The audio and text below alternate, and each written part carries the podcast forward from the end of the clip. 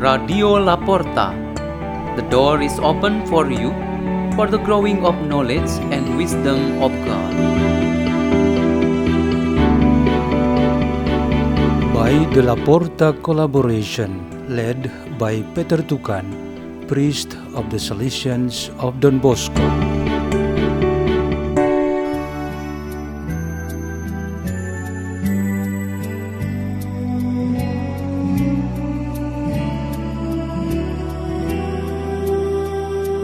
Readings and meditation on the Word of God on the 27th Sunday in Ordinary Time, October 3, 2021.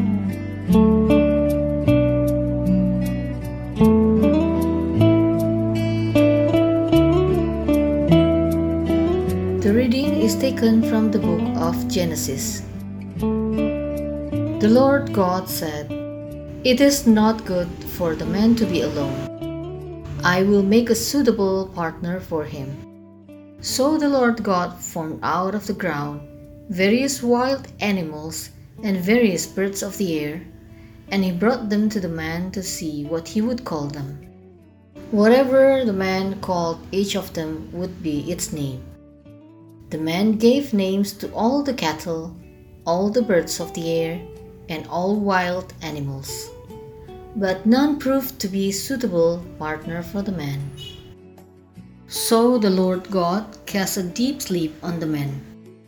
And while he was asleep, he took out one of his ribs and closed up its place with flesh. The Lord God then built up into a woman the rib that he had taken from the man. When he brought her to the man, the man said, This one, at last, is bone of my bones and flesh of my flesh. This one shall be called woman, for out of her man this one has been taken. That is why a man leaves his father and mother and clings to his wife, and the two of them become one flesh. The word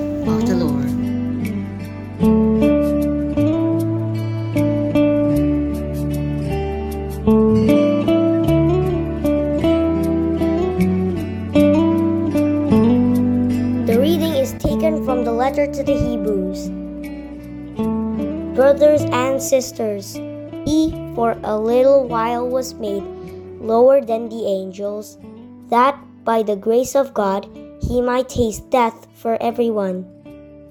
For it was fitting that he, for whom and through whom all things exist, in bringing many children to glory, should make the leader to their salvation perfect through suffering. He who consecrates and those who are being consecrated all have one origin. Therefore, he is not ashamed to call them brothers. The word of the Lord.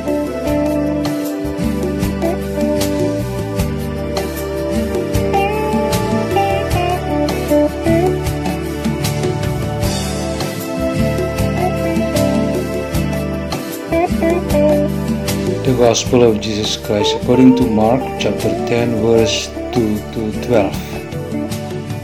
The Pharisees approached Jesus and asked, Is it lawful for a husband to divorce his wife? They were testing him. He said to them in reply, What did Moses command you? They replied, Moses permitted a husband to write a bill of divorce and dismiss her. But Jesus told them, Because of the hardness of your hearts, he wrote you this commandment. But from the beginning of creation, God made them male and female. For this reason, a man shall leave his father and mother, and he joined to his wife, and the two shall become one flesh. So they are no longer two, but one flesh. Therefore, what God has joined together, no human being must separate. In the house, the disciples again questioned Jesus about this. He said to them, Whoever divorces his wife and marries another commits adultery against her. And if she divorces her husband and marries another, she commits adultery. The Gospel of the Lord.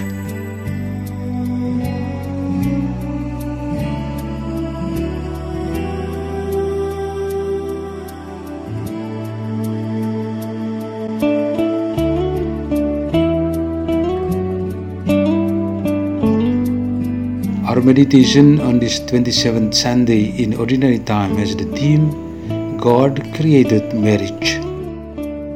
The basic and first creation made by God was to create from nothing into being. When there was no existence of creature called man, God created him. Then there was the first human couple, a man and a woman, who were created in the image and likeness of God Himself.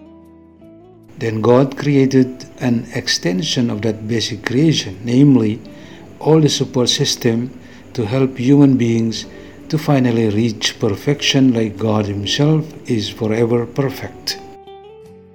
One of the many elements of that support system is the marriage. God created marriage between a man and a woman so that there would be an order, or what is technically called an institutionalized marriage. There is a design according to the will of His power that makes the man and the woman unite themselves from the two persons to become one.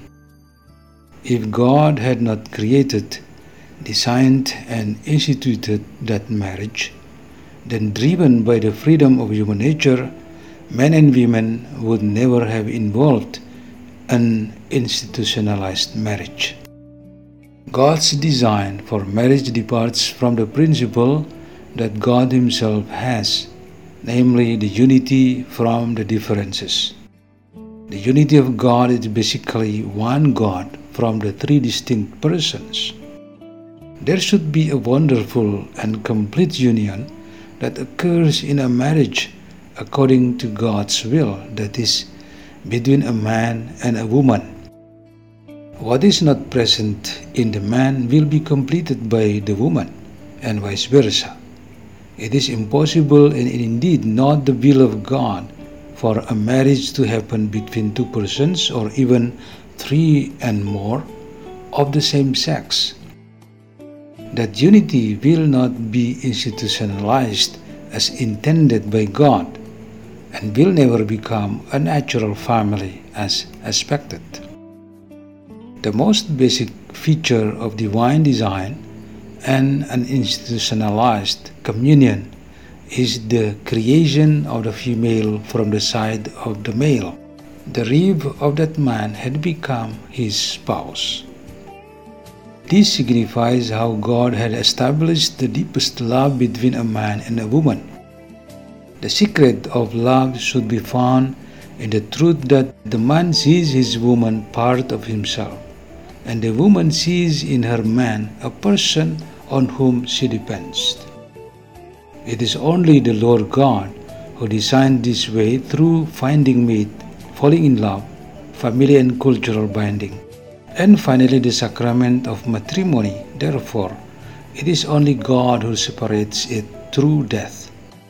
If one or both parties divorce, this must be a mortal sin. God created marriage with its ultimate goal, which is to sanctify it. He also sanctifies other types of vocations, such as the religious life and the priesthood. So, those who choose to marriage life and build families, they walk on the path to holiness.